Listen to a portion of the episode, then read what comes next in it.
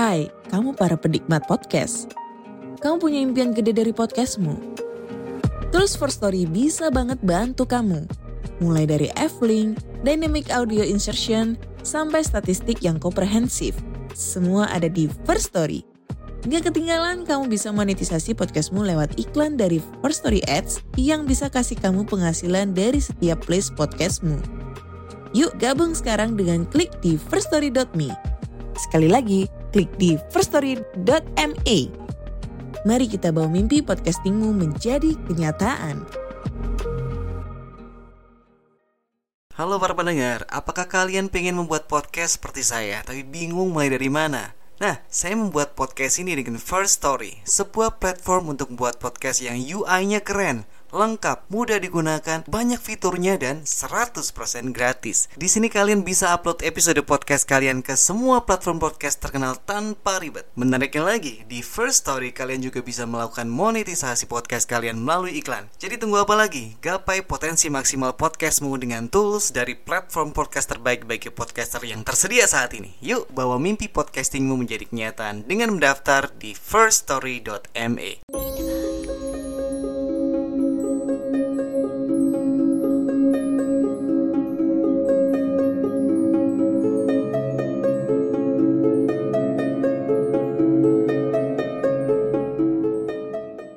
Sobat RAI, selamat datang dan selamat malam. Kembali lagi saya Denny, narator dari Rumah Horor Indonesia Atau RAI, kembali menyapa kalian Semoga kalian ada dalam keadaan yang sehat Banyak rezekinya dan lancar segala urusannya. Pada malam hari ini saya akan membacakan sebuah cerita yang ditulis oleh Mas Suarsono. Mas Suarsono adalah salah satu penulis di komunitas Cerpenmu ya. Komunitas penulis cerpen Indonesia, kumpulan cerpen karya anak bangsa. Dan nanti linknya akan saya berikan di bawah di deskripsi jadi kalian bisa baca sendiri atau ngepoin karya-karya lainnya dari Mas Suarsono ini. Oke langsung saja. Ini dia. Angkot Hantu. Terminal begitu sepi. Ini tak seperti biasanya sebab hari ini adalah hari Sabtu atau malam Minggu. Minggu adalah hari libur dan bahkan beberapa instansi sudah memperlakukan lima hari kerja sehingga Sabtu sampai Minggu adalah saatnya berlibur. Seperti biasa, begitu turun dari bus, aku langsung berjalan keluar terminal menuju jalur antrian angkutan kota atau angkot untuk membawaku pulang ke rumah kosku. Aneh, hanya ada satu angkot yang antre. Biasanya di jam segini masih cukup banyak angkot yang antre menunggu penumpang di malam minggu seperti ini. Orang bilang angkot di terminal ini 24 jam kalau akhir pekan. Suasana sepi terasa semakin menjadi-jadi tak kulihat orang-orang yang biasanya masih berseliweran di terminal bus ini, baik yang datang maupun yang berangkat. Jalan Surabaya, Pak. Kataku pada sopir angkot yang sedang antre. Itu adalah satu-satunya angkot. Sopir itu tak menjawab, hanya menganggukkan kepala pelan. Aku masuk ke dalam angkot dan duduk di ujung karena aku merasa tujuanku paling jauh. Lama sekali aku menunggu penumpang penuh sebelum angkot akhirnya berangkat. Mungkin sudah satu jam lebih aku duduk sendirian di dalam angkot itu. Kulirik jam tanganku, hampir tengah malam pas. Namun belum ada satupun tambahan penumpang yang datang ke angkot ini. Aneh. Padahal kulihat angkot jalur lain cepat penuh dan antrean angkot yang lumayan banyak segera berkurang, sementara malam semakin larut. Tepat pukul 12 malam, kurasakan angkot bergetar karena mesin dihidupkan. Dan angkot mulai berjalan Aku merasa ada yang tak beres. Sebab bukan sekali ini aku pulang malam dan naik angkot seperti ini. Aku ingin menanyakan kepada sopir kenapa hanya dengan satu penumpang angkot tetap berangkat? Ini nggak biasa. Namun ya aku berpikir positif saja kepada sopir angkot itu. Mungkin sopirnya kasihan kepada aku yang sudah lebih dari dua jam menunggu di angkot namun tak ada tambahan penumpang. Mungkin juga waktu itu sudah terlalu malam dan dia ingin segera pulang Aku memilih diam saja. Aku rasakan angkot bergerak keluar terminal. Sekali lagi aku merasakan keanehan. Lampu-lampu jalan terlihat redup. Bahkan banyak jalan yang gelap gulita. Tidak seperti biasanya. Aku hafal betul jalan-jalan yang dilewati angkot ini karena aku sudah lima tahun lebih tinggal di kota ini. Keanehan terus kurasakan selama perjalanan.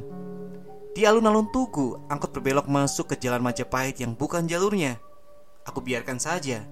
Mungkin karena angkot itu akan mengisi BBM di pom bensin di alun-alun. Namun sebelum jembatan kali berantas, angkot berhenti dan naiklah dua penumpang. Alhamdulillah ada teman, batinku. Saat angkot sudah berjalan, aku baru ingat kalau angkot ini berhenti tepat di sebuah makam di seberang jalan. Ya mungkin yang naik adalah teman atau keluarga dari supir angkot. Di dalam angkot dua orang itu tak berbicara sama sekali. Lalu samar-samar aku cium bau kembang Kamboja. Waduh, ini angkot hantu kataku dalam hati. Dan terpaksa aku buka mata batinku. Ternyata dua penumpang yang barusan naik adalah dua pocong. Mereka berdua sedang memandangiku. Aku terpaksa menyapanya dengan mengangkat tangan. Mau ke mana? Tanyaku. Ke jalan Jakarta. Jawabnya.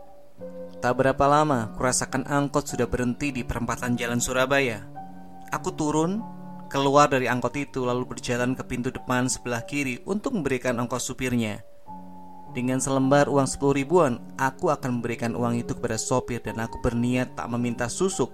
Susuk itu bukan uh, yang ilmu hitam itu. Susuk itu kalau di dalam bahasa Jawa itu artinya kembalian. Karena cuma aku penumpangnya dan yang paling jauh dari terminal. Kulihat sopir itu mengarahkan pandangan keluar mobil sebelah kanan. Dia tidak melihatku. Ini pak ongkosnya, terima kasih. Kataku sambil menyodorkan tanganku yang mengepit uang sepuluh ribu rupiah. Iya. Jawabnya sambil menoleh kepadaku. Astaga. Kataku pada diriku sendiri. Aku sedikit terkejut Tapi aku tak takut sebab aku sudah biasa ketemu hantu. Wajahnya ternyata menyeramkan Matanya merah menyala. Terima kasih ya Kataku lagi sambil menaruh uang di dashboard Aku lihat angkot melaju lagi Meneruskan rutenya hanya satu kedipan mata, angkot itu telah lenyap dalam pandangan mataku. Mereka telah pergi entah ke mana, aku tak tahu. Dimensi waktu seolah tak berlaku bagi mereka. Aku mengusap wajahku sambil berdoa.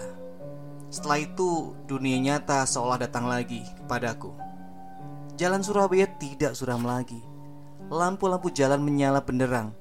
Meskipun sudah lewat tengah malam, tempat ini masih belum sepi. Warung malam di depan kampus kulihat masih buka dan ada beberapa pengunjung. Baru pulang bro, sapa teman kuliahku. Iya, ambil jatah jawabku. Hmm, kamu kok bawa kembang kamboja bro? Kata temanku. Masa sih? Iya kayaknya, kata pemilik warung Pak Bejo. Aku cerita ya, tapi jangan takut. Aku tadi naik angkot hantu, kataku. Sudah, sudah, Jangan diteruskan ceritanya, potong temanku. Lalu Pak Bejo mendekati aku dan membisikkan sesuatu di telingaku. Ada dua pocong di luar, katanya menunggu kamu. Rupanya Pak Bejo juga bisa melihat dan berkomunikasi dengan makhluk tak kasat mata itu. Aduh, jawabku. Aku bingung harus bagaimana, namun tetap aku temui mereka. Ngapain ikutin aku? Tanyaku. Aku takut pulang, jawabnya. Waduh, kalian tuh hantu macam apa sih? Antar kami, please. Pintanya. Baiklah, tapi jangan menampakkan diri ya, jawabku. Mereka mengangguk. Aku kasihan juga sama mereka. Seumpama masih hidup, mereka masih remaja. Dengan meminjam motor Pak Bejo, ku bonceng mereka berdua dan aku antar mereka pulang ke rumahnya di Jalan Jakarta. Terima kasih ya. Warungku semakin laris. Sejak motorku kau pinjam untuk ngantar dua temanmu itu. Kata Pak Bejo suatu saat ketika aku mampir ke warungnya. Hush Mereka bukan temanku. Oke Sobat Rai. Begitu cerita kita untuk malam hari ini. Semoga bisa menghibur kalian. Sampai ketemu di cerita berikutnya. Selamat malam Selamat beristirahat